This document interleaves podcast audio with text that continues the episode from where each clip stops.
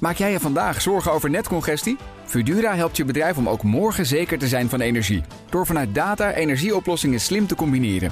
Zo installeren we bijvoorbeeld een batterij om je extra opgewekte zonne-energie niet verloren te laten gaan. Kun jij onbezorgd verder met vandaag? Kijk op Fudura.nl. Fudura, de verandering voor.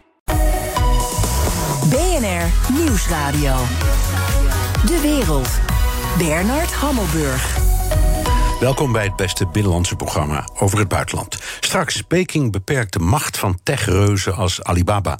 Wat zit daarachter? Daarover houdt China-correspondent Oscar Garschagen.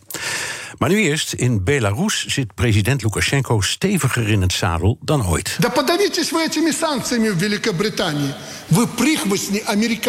Dat was Lukashenko tijdens een persconferentie één jaar na zijn omstreden herverkiezing. Hier noemt hij de Britten Amerikaanse schoothondjes. Ik praat erover met Hubert Smeets, oprichter van Raam op Rusland en columnist bij NRC. Welkom, fijn dat je er bent.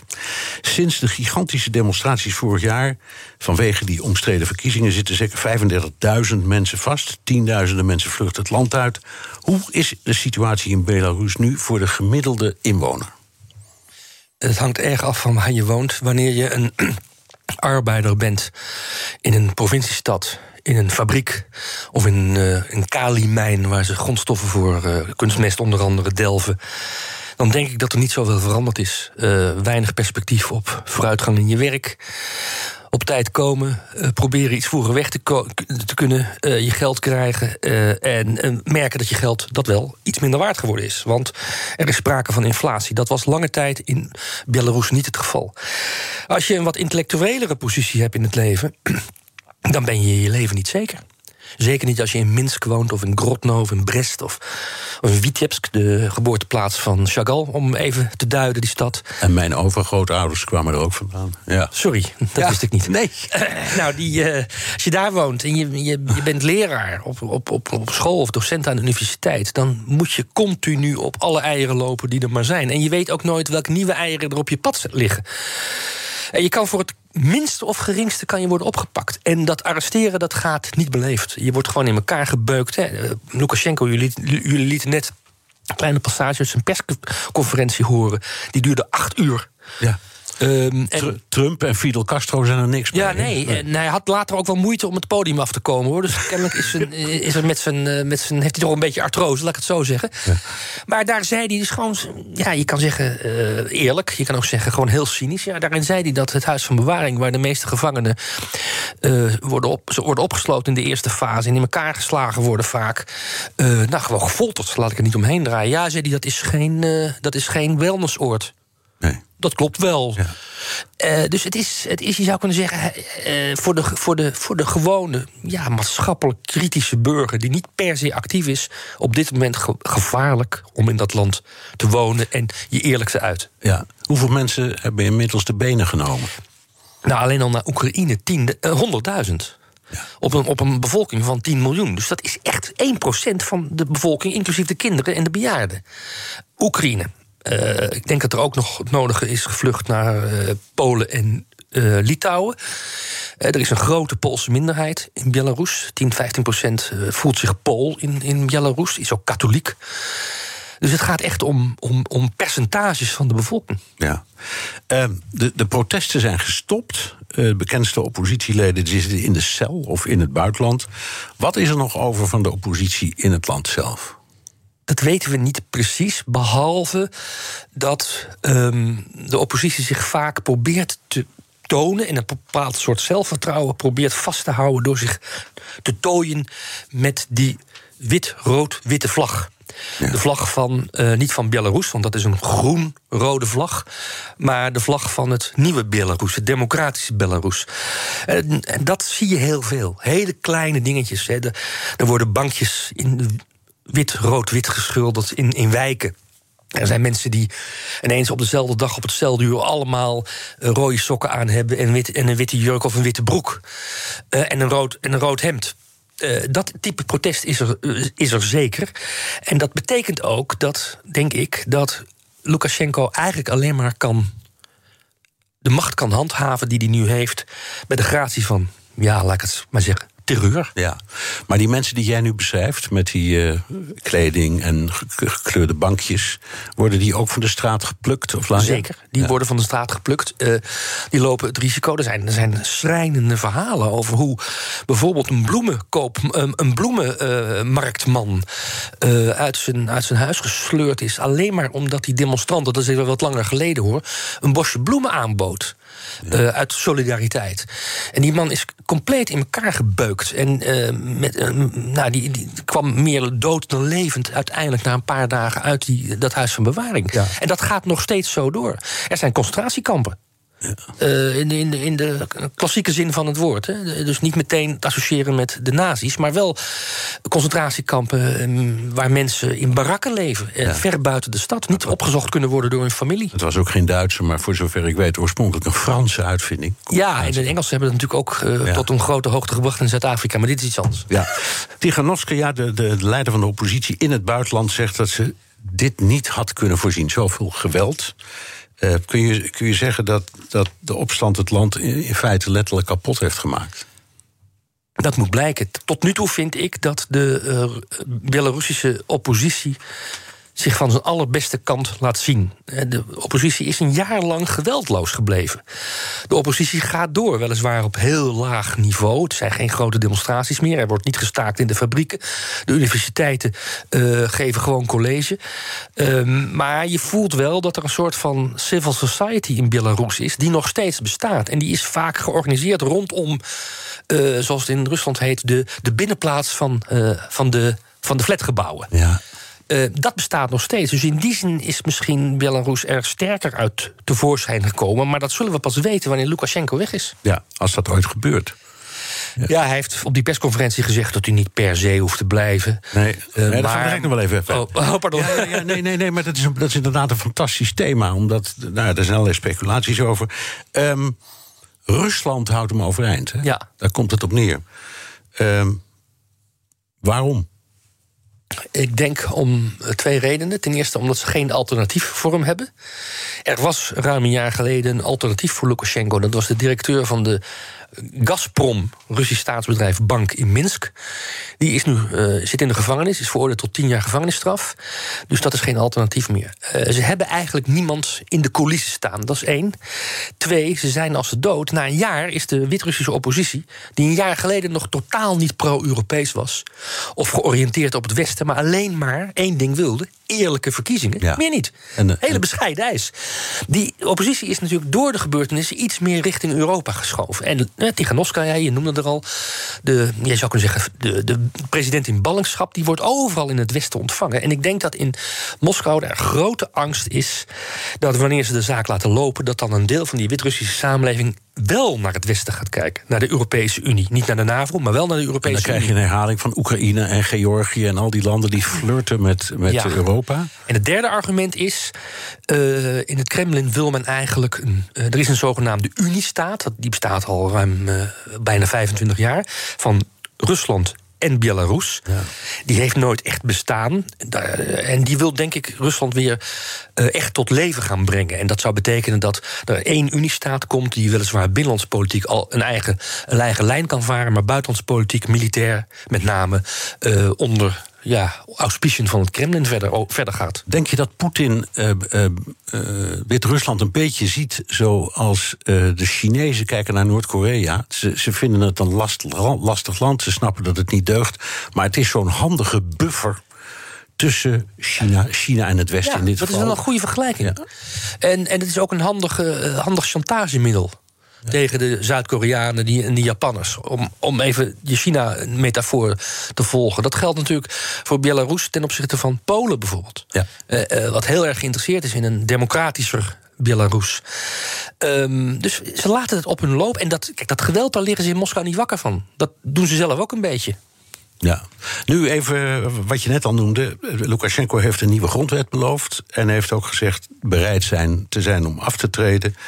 En in die ellenlange persconferentie zei hij dat dat ook best snel zou kunnen gebeuren. Geloof jij hem? Wat denk je dat hier speelt? Ik denk dat hij uh, alleen maar op tijd uh, speelt.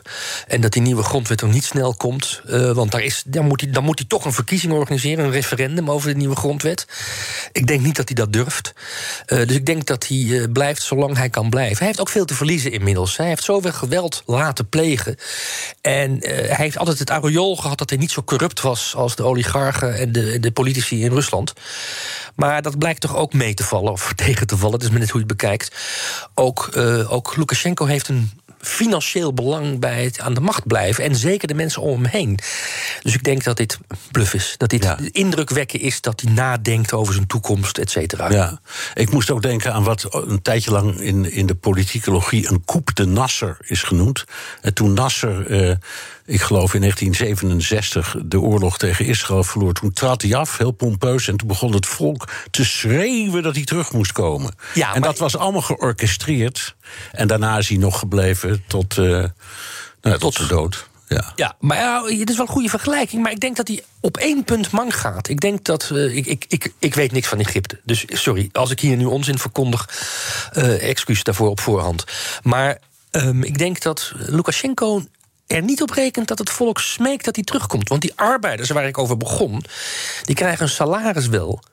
Maar die zijn ook niet tevreden. Want die zien de waarde van de roebel in, uh, achteruit gaan. Die zien ook dat, dat hun kinderen niet meer kunnen studeren... of vanavond niet meer naar het buitenland kunnen. Want vergeet niet, hè, in, in, in Belarus was het meest reislucht, reislustige volk... van de, de voormalige Sovjet-Unie. Mensen gingen op reis. Ze konden ook naar Polen, ze konden naar Litouwen.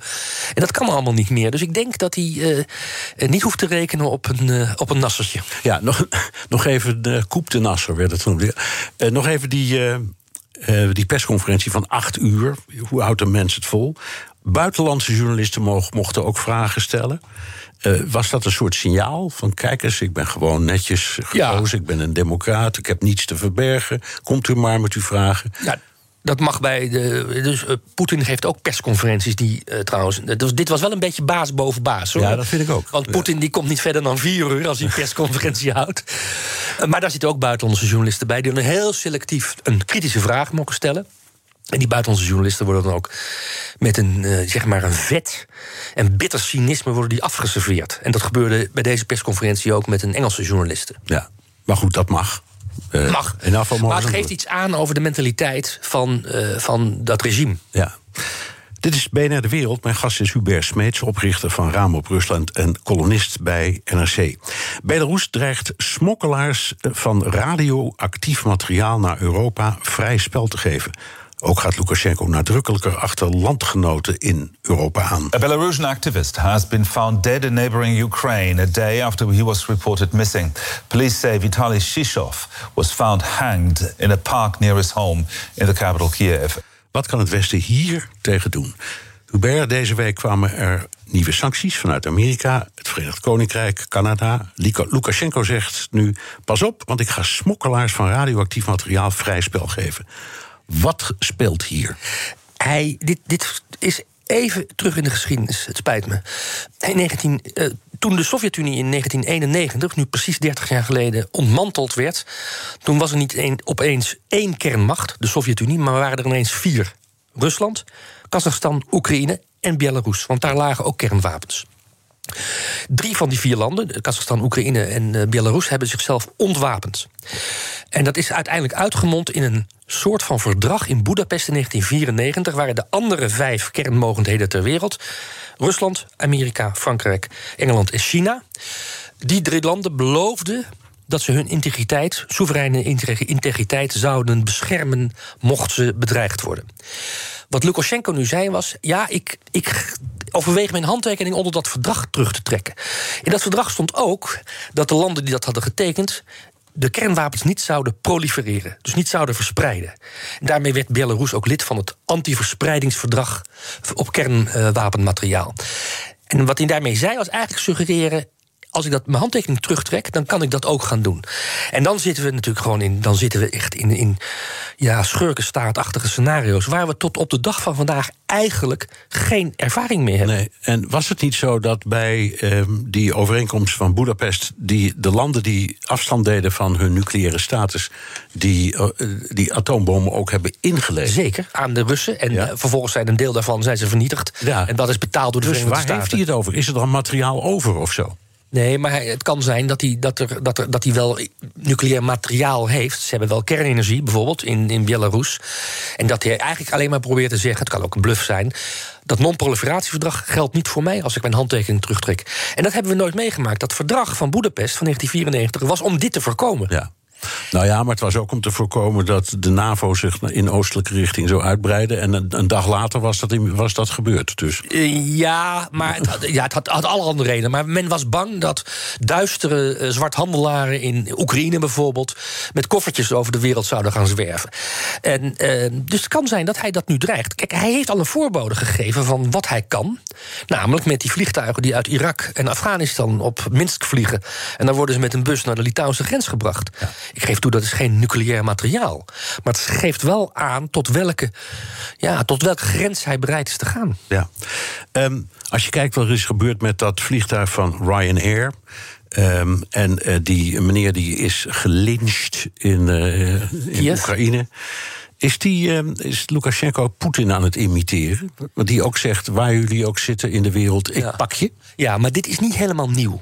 Eh, voor ons is, was het een schok, de lynching in Kiev.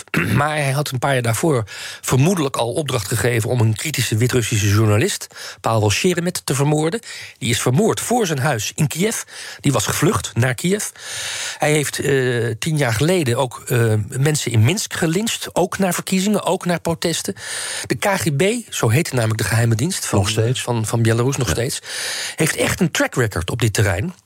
En eh, ja, de, de, de Russische geheime dienst werkt toch vooral met eh Novichok en andere eh, middelen. Ja.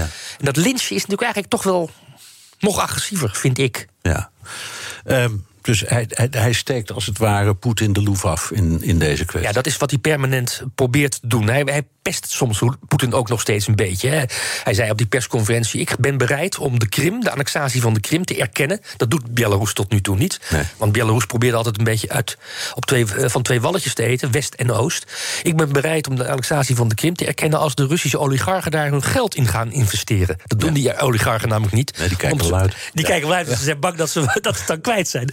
Dus dat, zijn, dat soort spelletjes speelt hij nog steeds. In die zin is hij wel zijn, zijn oude zelf. Ja, nou hebben wij het over sancties. Helpt dat? Wat kun je doen? Nou, de Europese sancties zijn eh, eh, niet echt effectief. Nee. De belangrijkste sancties hebben zoveel uitzonderingsbepalingen dat eh, Wit-Rusland eronder uit kan. Ja. Ehm, nu opereert die KGB in bijvoorbeeld de Europese lidstaten, voor zover ze daar betrekkingen mee hebben, vanuit de ambassades. Ja. Dat is, dat is overigens niks nieuws. Dat doen volgens mij alle spionageagentschappen in de hele wereld, in alle ambassades. Niettemin zou het ehm, helpen om eh, bijvoorbeeld de mensen in die ambassade te wachten aan te zetten. Of misschien zelfs die ambassades te laten sluiten. Ja, ik hoorde een paar dagen geleden eh, van een, eh, op de radio. eh, bij de VARA van een Wit-Russische vrouw die hier eh, werkt en studeert. Wie vader eh, vermist is ooit en waarschijnlijk gewoon vermoord daarna. Dat er Wit-Russen zijn in, eh, in, in Nederland die bedreigd worden. En die politiebewaking hebben. Dat lijkt mij alle aanleiding, alle reden om de eh, ambassade van Belarus onder, wat ik zeggen, verhoogde surveillance te plaatsen. Ja, maar hoe doe je dat? Want eh, eh, er is internationaal recht. Ambassades zijn, liggen op het grondgebied van hun eigen land. Zo staat het. ja, ja. Dus je kunt buiten een agent zetten, maar dan ben je ver, ver- meer kun je niet. Nee, maar misschien dat je wel gewoon een luisterpostje eh, daarnaast kan zetten. Ja. Ja, sorry, ik, ben, ik werk niet bij de AIVD, maar ik denk dat zij dat best weten hoe dat Nou, en moet. ik denk dat ze het ook wel doen. Want anders zouden we niet weten dat eh, die KGB zo, zo enorm vanuit al die ambassades opereert. Ja, maar- dus er wordt meegeluisterd. Ja, maar ik denk dat de AIVD toch zich heel erg richt op China en Wit-Rusland en Belarus een beetje als een ondergeschikt dossier beschouwt. Ja. Ehm, Belarus heeft een tweede lening gekregen van eh, Rusland.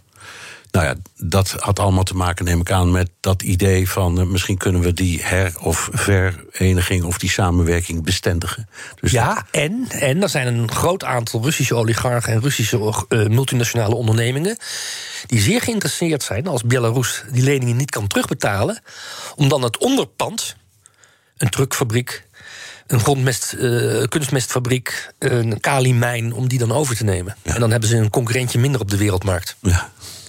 Oké, okay, dankjewel, Hubert Smeets, oprichter van Raam op Rusland en columnist bij NRC. De wereld. Tijd voor een update met uh, een Europa-update met Geert-Jan Haan. We gaan het hebben over Polen. Dat Warschau nu overhoop ligt met Brussel is bekend. Maar nu hebben de Polen ook ruzie met de Verenigde Staten, hun trouwe bondgenoot. Geert-Jan, wat speelt hier? Ja, dit heeft te maken met de hervorming van een mediawet. Uh, de zoveelste hervorming van de Poolse media, want die ontmanteling is al enige jaren gaande. Maar dit keer raakt het een Amerikaans bedrijf. Het raakt Discovery. Uh, Discovery is namelijk eigenaar van TVN. En onder TVN, dat is een network, valt ook de nieuwszender TVN 24. En die lijkt uh, te worden afgekoppeld van, van Discovery. En dat heeft te maken met dat er dus een hervorming komt van die mediawet. Gisteravond is dat ook in eerste instantie door het Poolse parlement al gekomen. En dat betekent dat uh, eigenaren van mediabedrijven in Polen alleen nog maar uit de Europese economische zone mogen komen. Ja, dat is Amerika niet. Um, er is wel gezegd bij de argumentatie, ja, dat doen we vooral om uh, Russische en Chinese eigenaren buiten de deur te houden. Alleen op dit moment was er maar één niet-Europese eigenaar van een mediabedrijf. En dat was Discovery. Ja. En hoe hebben de Verenigde Staten gereageerd? Not amused. Uh, bij uh, monden van Anthony Blinken, uh, minister van Buitenlandse Zaken.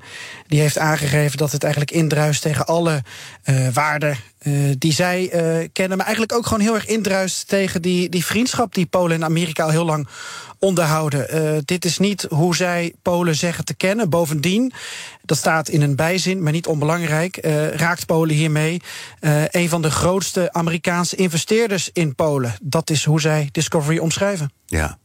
Um, en wat betekent het dan voor die Pools-Amerikaanse relatie? Want je hebt gelijk, ik herinner me dat uh, op het hoogst van de Koude Oorlog er al acties werden gevoerd onder de regering Reagan. Uh, let Poland be Poland. Dus er werd, de, de, laat maar zeggen, het meedenken met de Poolse vrijheidszin en eigenzinnigheid is zeer Amerikaans. Dus wat gebeurt er nu in die relatie door zoiets? Ja, dat is interessant. Eigenlijk staan die twee landen allebei uh, zeker sinds Polen zich wist te onttrekken van dat uh, communistische juk, staan ze allebei voor ja, mensenrechten, vrijheden. En dat proberen zo goed mogelijk tot uiting te brengen. En die relatie gaat al zo lang terug. Volgens mij tot aan de Amerikaanse revolutie. Dat er Poolse vrijheidsstrijders, generaals waren die, die daarbij meehielpen.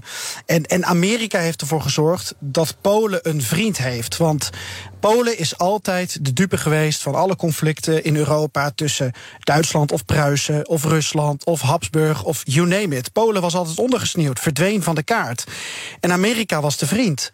En dat heeft zich geuit met NATO, uh, dat heeft zich geuit met EU, Amerikaanse militairen nu natuurlijk op Pools grondgebied. Uh, ook onder Trump was die relatie nog extra sterk. Ja, en die democratische waarden die staan nu gewoon uh, onder druk. En hoe kijkt Brussel naar deze feten? Ja, ik zag wat reacties binnenkomen vandaag. Uh, vrij typerend uh, wat je verwacht. Namelijk uh, uh, problemen nu met de persvrijheid in Polen. Dat tolereren we niet.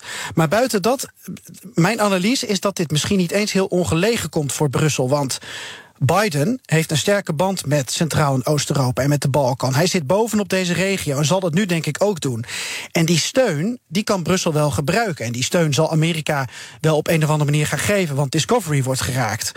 En tegelijkertijd, volgende week staat er alweer een nieuw gevecht op de agenda. In de vorm van een, een deadline, een Europese deadline voor de hervorming van de tuchtkamer in Polen. Nou, dat is dus echt een Europees-Poolse vete.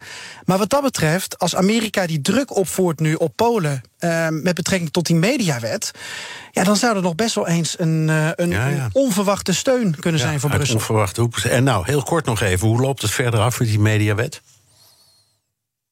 Gaat naar de Senaat, waarschijnlijk dan terug naar de Kamer. Uiteindelijk handtekening van de president nodig. En wie weet wat er onder Amerikaanse druk vloeidbaar is. Maar eh, de kaarten zijn. Nou, ze zijn nog niet helemaal geschud, maar ze liggen er ook niet best voor. Nee, dus, dus nou goed, maar als ik jou goed begrijp, denk je dat die mediawet een goede kans heeft om er gewoon doorheen te komen, getekend en wel. Uiteindelijk wel. Ja. Dankjewel, Europa-verslaggever Geert-Jan Haan. Wilt u meer horen over de Europese politiek? Luister dan naar BNR's Europa-podcast. Maak jij je vandaag zorgen over netcongestie? Fudura helpt je bedrijf om ook morgen zeker te zijn van energie. Door vanuit data energieoplossingen slim te combineren. Zo installeren we bijvoorbeeld een batterij om je extra opgewekte zonne-energie niet verloren te laten gaan. Kun jij onbezorgd verder met vandaag? Kijk op Fudura.nl. Fudura, de verandering voor. BNR Nieuwsradio. De wereld. Bernard Hammelburg. Het zijn onzekere tijden voor Chinese techreuzen. In een half jaar tijd hebben vrijwel alle grote namen uit Chinese nieuwe economie op hun donder gekregen. It's a Tiananmen Square moment of capitalism in China. Uh, the capitalists in China were sort of uh, sowing their oats, starting to act in what the Communist Party thought was a roguish sort of a way. And now you're seeing a widespread crackdown De regering wil af van monopolies en excessen in de markt. Amerikaanse analisten spreken over een Tiananmen Square moment. Maar kan Europa er ook iets van leren? Ik praat erover met Oscar Garschagen, oud-correspondent in China en schrijver van het boek De Chinese Droom. Welkom terug in het programma, Oscar. Hey Bernard. De Chinese regering komt nu met een vijfjarenplan om in vrijwel alle belangrijke economische sectoren in te grijpen. Worstelt China nou met eenzelfde soort vraag als Europa en Amerika, namelijk hoe gaan we om met bedrijven die eigenlijk te groot en te machtig zijn geworden? Uh, Jazeker. De supersterren, supersterren van, de, van de Chinese economie zijn nu aan de beurt. Natuurlijk al eerder, uh, een jaar of vijf en tien geleden, andere bedrijven ook al. Maar uh, die lijn die wordt uh, nu, nu doorgetrokken en de boodschap is, is zonneklaar. luister, vrienden, kapitalisten, alles goed en aardig. Maar wij en ik, Xi Jinping, wij zijn de baas. En dat moeten jullie goed begrijpen. Ja. Nou, was er al wet, wetgeving die uh, concurrentie regelde? Hè? Ja, de, dateert van 2008. Maar uh, uh, vorig jaar, 2020, is besloten die wet nu werkelijk te gaan toepassen. En een hele reeks bedrijven, ik heb er inmiddels 35 geteld, zijn, het, zijn het mikpunt. Ja, noem eens een paar bekende namen. Ja, Alibaba onder andere, Tencent, Meituan, Didi Xuxing. Meituan is, uh, is, een soort combinatie van thuisbezorgd en uh, TripAdvisor. Didi Xuxing is het, het grote Chinese Uber. Alibaba, Alipay, alle, alle dochters van het concern van Jack Ma. En een hele reeks andere bedrijven. Tencent, de grote online gamemaker van China. Uh, ook in het, in het schootsvuur. Dus uh, de, de Chinese kapitalisten, ze zijn, ze zijn even de pineut. Ja, en is dat nu alleen maar om macht te laten zien? Of gaat het ook over andere dingen, weet ik wat? Ja, um, in, in, in Europa en Amerika gaat het ontzettend over privacy... en wat er met al die data gebeurt. En gaan ze maar door. Um, het gaat, het, het, gaat er altijd in China om te laten zien wie de baas is. Dat is, dat is de rode lijn. Maar achter elk, in elke sector, bij elk bedrijf, is er natuurlijk weer een ander verhaal. Het begon in 2020 uh, met Jack Ma. En Xi Jinping, Jack Ma, had uh, zich kritisch uitgelaten over, over het Chinese financiële wetgeving. Dat mishaagde Xi Jinping en toen werd er ingegrepen. En van het een is eigenlijk het ander gekomen. Het, het, is een, het is een meraboire wat dat betreft. Het, uh, het gaat om, bij, in het geval van uh, bijvoorbeeld Ante, uh, de, een, een, spin-off van Alibaba op het gebied van financiering, is in de wet, staat in de wet staat bekend als een technologie-startup, maar gedraagt zich in China, maar ook buiten China, als een bank. En valt dus niet, maar valt niet onder de bankwetgeving. Dat soort, laten zeggen uh, situaties worden nu gecorrigeerd. Meituan is een, bedrijf dat gespecialiseerd is in de bezorging van maaltijden. Uh, de maaltijdbezorging en pakjesbezorging. Maaltijdbezorging in China heeft een enorme vlucht genomen. De mensen die dat doen, die worden slecht betaald. Uh, arbeidswetgeving wordt niet toegepast. Loonwetgeving wordt niet toegepast. En dat soort zaken worden nu als het ware gecorrigeerd. Uh, een ander voorbeeld, uh, de onderwijsinstellingen. Tal van, uh, er zijn al 192.000 private onderwijsinstellingen in China. 56 miljoen mensen maken daar gebruik van.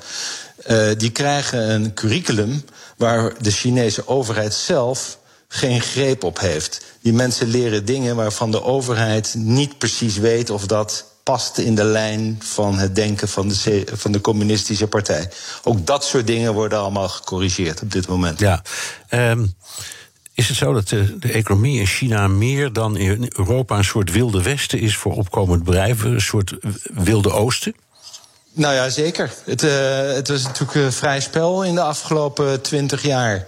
Uh, uh, starten heel veel kapitaal, Chinees kapitaal, maar ook buitenlands kapitaal stroomt eh, China in uh, via Hongkong en andere, uh, andere beurzen. Start-ups zijn makkelijk te beginnen. De wetgeving is, is relaxed, althans in de uitvoering, in de toepassing. En dat soort zaken leiden tot een, tot een sfeer van ja, vroeger het Wilde Westen, nu het Wilde Oosten. Voor investeerders uh, natuurlijk een walhalla.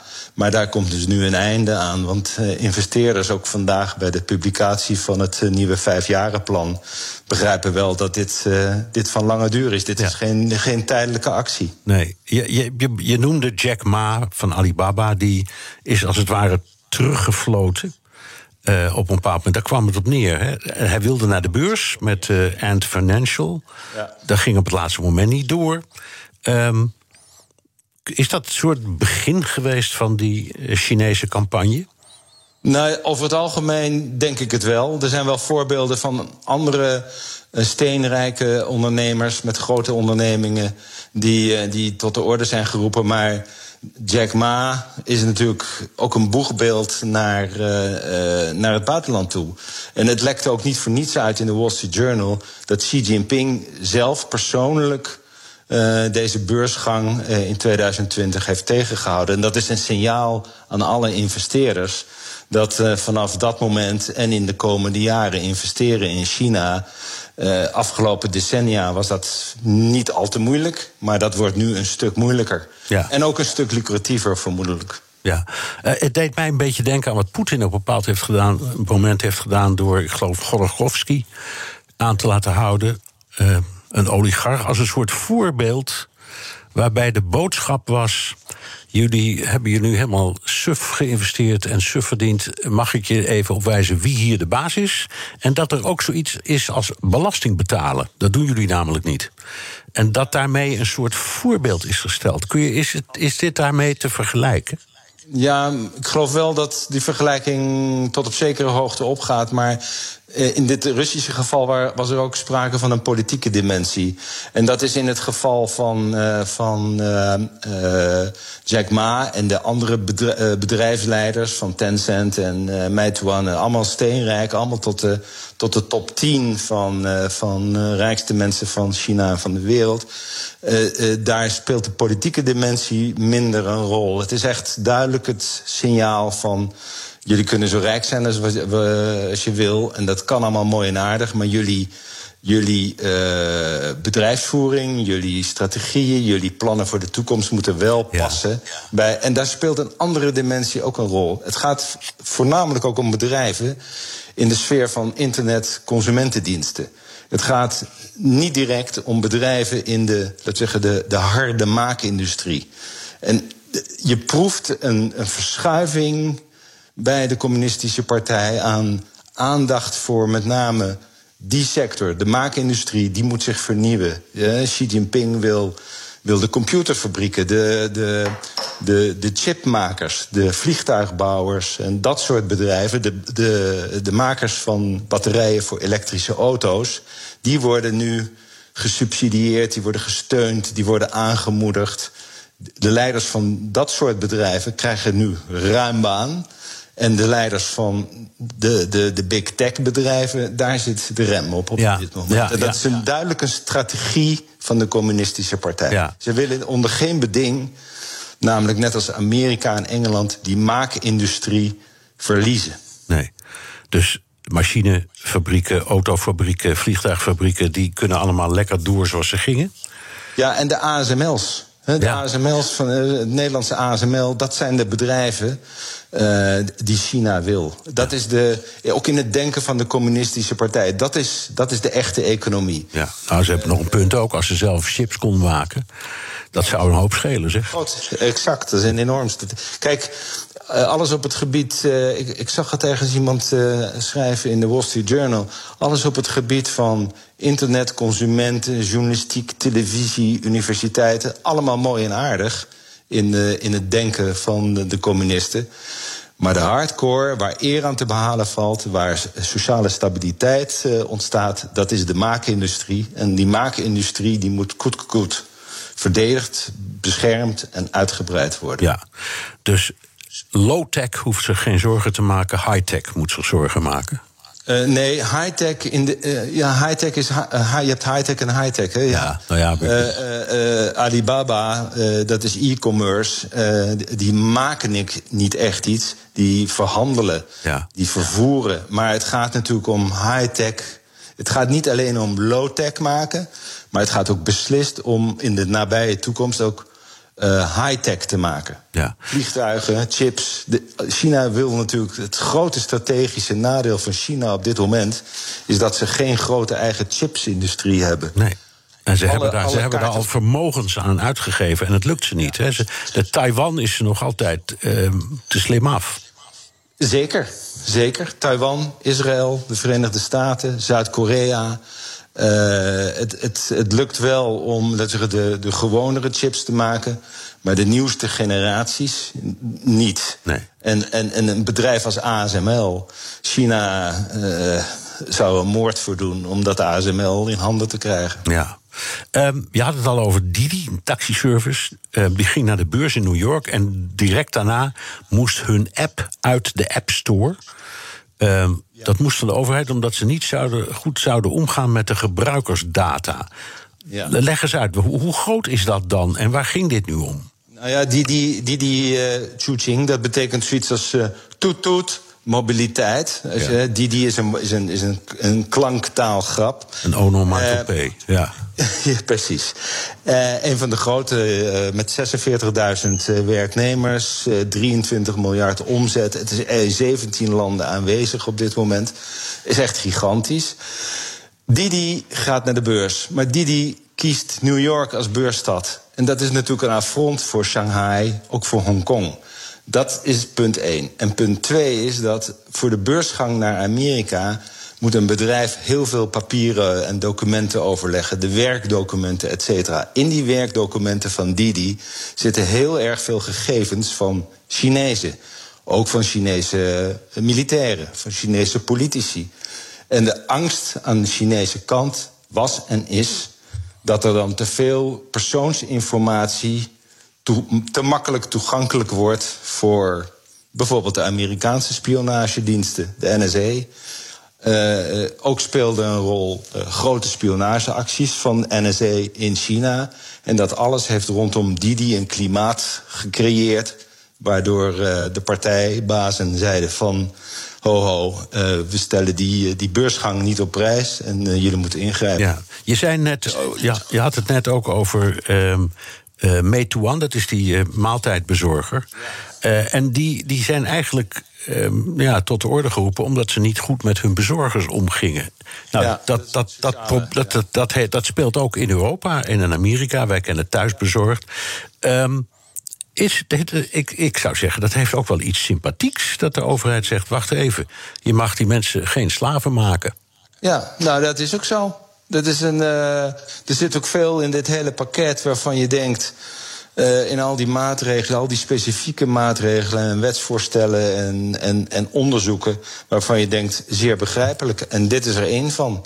Uh, iedereen die de, de, grote Chinese steden kent, weet hoeveel van dit soort moderne slaven zich inspannen om, om, om maaltijden, pakketjes en god weet wat bezorgd te krijgen. En dat, dat, is, dat was het echte Wilde Oosten. Die mensen werden, worden en werden slecht betaald.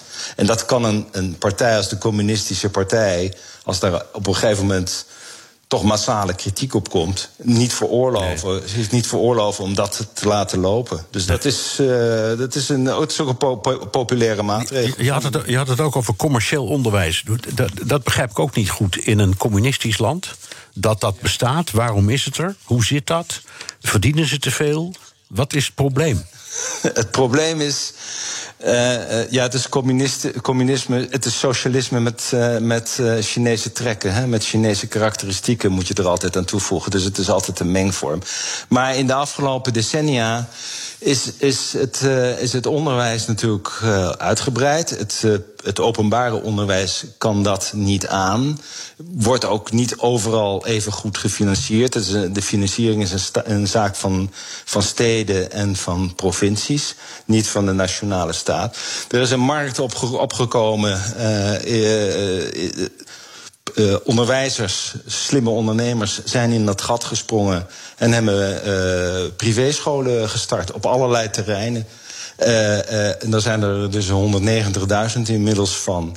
Ja. En die, dat is allemaal om, om scholieren voor te bereiden voor een heel belangrijk examen, het Gaokao. Dat is het toelating, eindexamen van de middelbare school, toelatingsexamen voor de universiteit. Dat bepaalt de koers voor de rest van het leven van een jongen of een meisje. Dus ouders die zoeken alle mogelijke manieren, als, zeker als ze het zich kunnen permitteren, om, om hun kinderen uh, goed voor te bereiden voor dat cruciale examen. Ja. En daar, dat heeft een markt uh, van, van, van scholen, bijlessen, noem maar op, gecreëerd. En daar, dat vindt uh, de staat, dat vindt de partij op dit moment te veel uit de hand gelopen. Ze hebben geen greep meer op wat daar allemaal uh, onderwezen wordt. En uh, Xi Jinping vindt eigenlijk dat het gewone staatsonderwijs, het publieke onderwijs, voldoende moet zijn. Ja. Uh, of, dat, of de maatregelen van het uh, intomen van al deze onderwijsinstellingen ook daadwerkelijk helpt. Dat is zeer de vraag, want dat gauw-kou-systeem, dat blijft wel bestaan. Ja, en ik denk de gemiddelde Nederlandse ouder van de gemiddelde Nederlandse tiener... die zou misschien een gat in de lucht springen met zo'n systeem of beleid. Ja, absoluut. Maar daar moeten ze wel voor betalen. En de mensen die dat in China die dat kunnen betalen, die profiteren daarvan. En dat vergroot weer tussen de, de kloof tussen, tussen, tussen, uh, tussen arm en rijk. Ja. Uh, mensen met minder uh, goede inkomens kunnen zich dat niet permitteren. Want die, die, die, die, die de kosten van die uh, particuliere scholen die zijn ook naar de hemel gestegen. En dat is natuurlijk een. Die kloof tussen arm en rijk. De diepe armoede in China is, is, is, is bestreden, is opgeheven, zou je kunnen zeggen. Maar er is wel een enorme kloof ontstaan tussen arm en rijk. En dat is ook iets wat Xi Jinping moeilijk te tolereren ja, vindt. Hij, uh, hij uh, is daar heel duidelijk over. Ja. Um, Eurocommissaris Verstager is al jaren bezig met allerlei langlopende rechtszaken tegen Apple en Google en Facebook. Die worden geseponeerd of ze leiden tot voor dergelijke gigantische bedrijven bescheiden boetes. Kan Europa wat leren van de Chinese aanpak, volgens jou?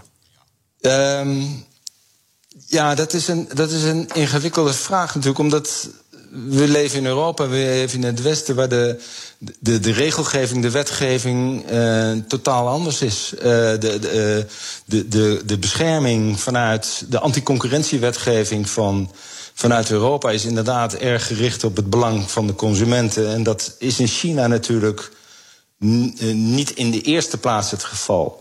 Dus het, het aanpakken van die grote bedrijven, ja, het vergt wel een. Nou ja, als je de, de, de, de meest voor de hand liggende les is natuurlijk een, een sterke, stevige, uh, doelgerichte staat. Die dit, uh, die dit durft en kan aanpakken. En daarbij ook niet direct zich zorgen maakt over de belangen van, van investeerders. Nee. Ik, nou.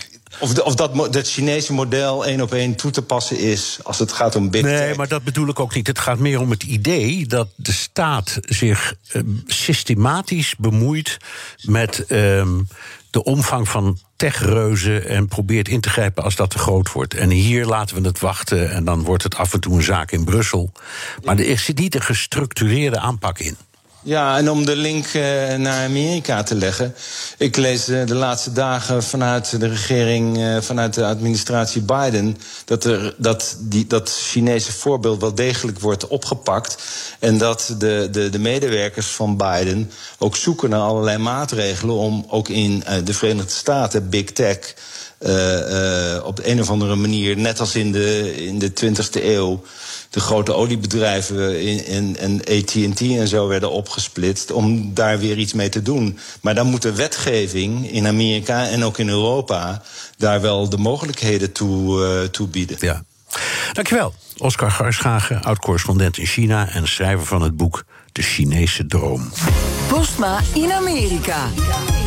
Tijd voor het Amerikaanse nieuws door de ogen van onze correspondent in Washington, Jan Posma. Jan, alleen maar slechte berichten uit Afghanistan. Maar Biden houdt voet bij stuk over het terugtrekken van die Amerikaanse troepen.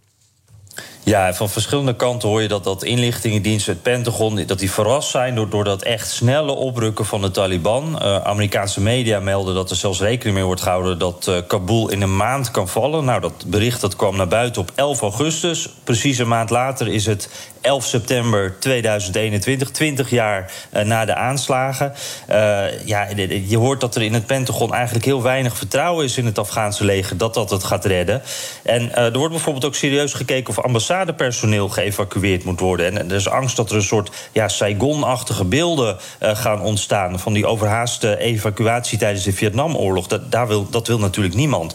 Maar uh, Biden uh, zet door. Voor 31 augustus moeten vrijwel alle Amerikanen daar weg zijn. They've got to fight for themselves. Fight for their nation. The United States, insist we continue to keep the commitments we made. Of providing close air support, making sure that their Air Force functions and is operable, res- resupplying their forces with food and equipment, and paying all their salaries. But they've got to want to fight. Ja, en Biden zei ook nog: Ik heb geen spijt van mijn stap om, uh, om terug te trekken.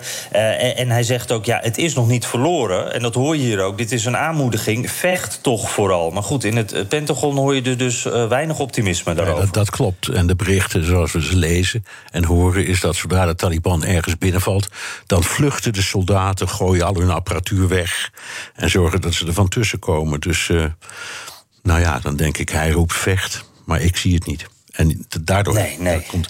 Nou, Biden kan het ook zeggen, allemaal, omdat hij de steun van de Amerikanen heeft. Hè?